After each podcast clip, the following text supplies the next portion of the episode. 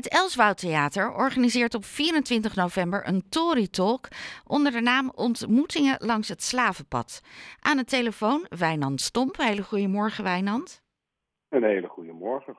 Je organiseert deze avonden in het teken van het herdenkingsjaar slavernijverleden. Wat is de insteek op de 24ste? Uh, de insteek is dat ik uh, ja, via mijn eigen werk, carrière met de verhalen van Anantje en de verteltraditie, die inmiddels ook op het Nederlands Immaterieel Erfgoed staat, uh, een lezing ga geven. Om de link van de verhalen van Anantje en het slavernijverleden te, uit te leggen. Hoe dat precies zit en hoe het is gekomen en, en wat de waarde ervan is. En die verhalen van Anansi zijn altijd verteld door de generaties heen. Uh, welke verhalen zijn bij jou in de familie gekomen? Nou, uh, ik heb ze niet van, zeg maar, van, van, van uh, oorsprong meegekregen.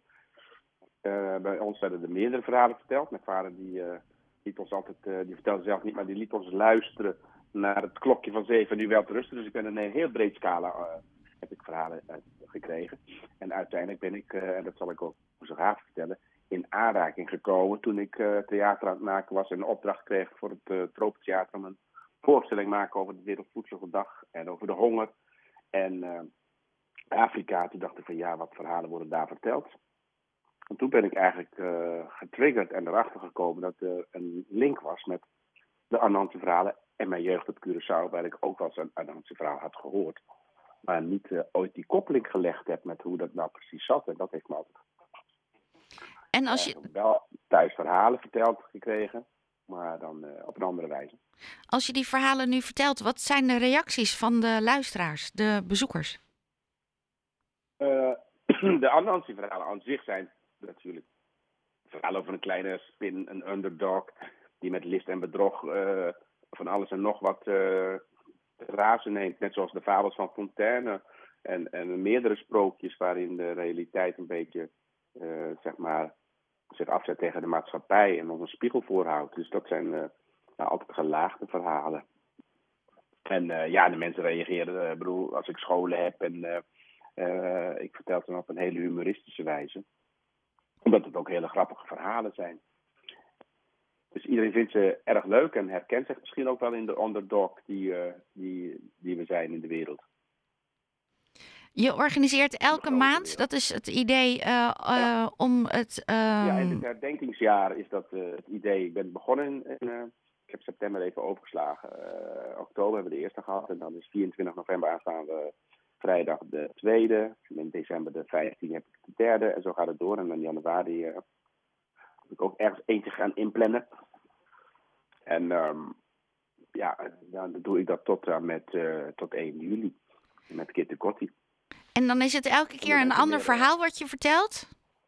Nee, het is een lezing. Het is een theatrale lezing. En ik uh, vertel, uh, bedoel, ik heb heel veel met Anansi gedaan. En ik heb films gemaakt. Ik heb uh, gereisd over de transatlantische driehoek van het slavernijverleden, waar ik mensen heb ontmoet.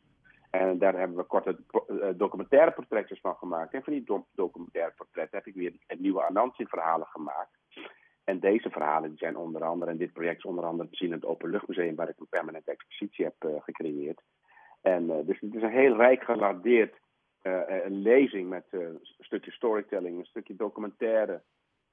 En een beetje uitleg over de Anansi-geschiedenis, een beetje uitleg over het slavernijverleden. En dus je komt er een ontzettend rijk uit terug, omdat je heel veel informatie krijgt en heel veel te zien krijgt. Dat duurt ook anderhalf uur. En ik heb, ja, ik heb inmiddels heb ik, met mijn compaan Jean Helwig tien documentaire portretten gemaakt door de jaren heen, vanaf 2000. Wat zal het zijn? We zijn hier in 2011 mee begonnen, 12. Dus we zijn al heel eind uh, verder. Je doet, uh, uh, dit is 24 november. Kaartjes kunnen we kopen via jouw website. En um, ja. voor de kindervoorstellingen, elke keer nog in het weekend. Als we even kijken naar november, december. Wat heb je dan van ons in de planning? In november, in november, wat hebben we nog in de planning van november? Ik even schakelen naar november, want bij mij hangt al de december en januari voor mijn neus.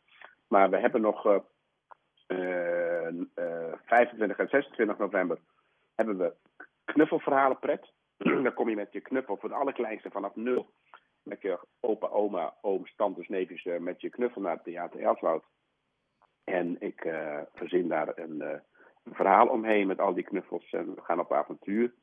Met mijn eigen knuffelvogel, Warwar, die met ons meereist. Dus uh, het is gewoon hele gezellige improvisatie en meedoen en spelen. En Bell and Beest is op de, op de zondag om drie uur. En dan gaan we naar december en dan hebben we ook een hele volle agenda. En vooral in december hebben we onze traditionele kerstverhaal. Dat uh, een keer of uh, zes, zeven te, te zien is. Dus genoeg te doen in Theater Elswoud. Leuk. En dan is het ook allemaal terug te vinden op jouw website. En via de website kunnen we ook kaartjes kopen. De website kun je kaartjes kopen. En inmiddels uh, gaat, het, uh, ja, gaat het altijd snel, met, zeker met de kerstvoorstellingen. Dus je zegt, wees er op tijd bij, dan uh, word je niet teleurgesteld. En dat zou jammer zijn. Zeker. Wijnand, dankjewel. Fijne zondag nog. En, um, Heel graag gedaan. En veel plezier, succes op de 24e. Dankjewel Ellen. Tot een andere keer. Tot een andere keer.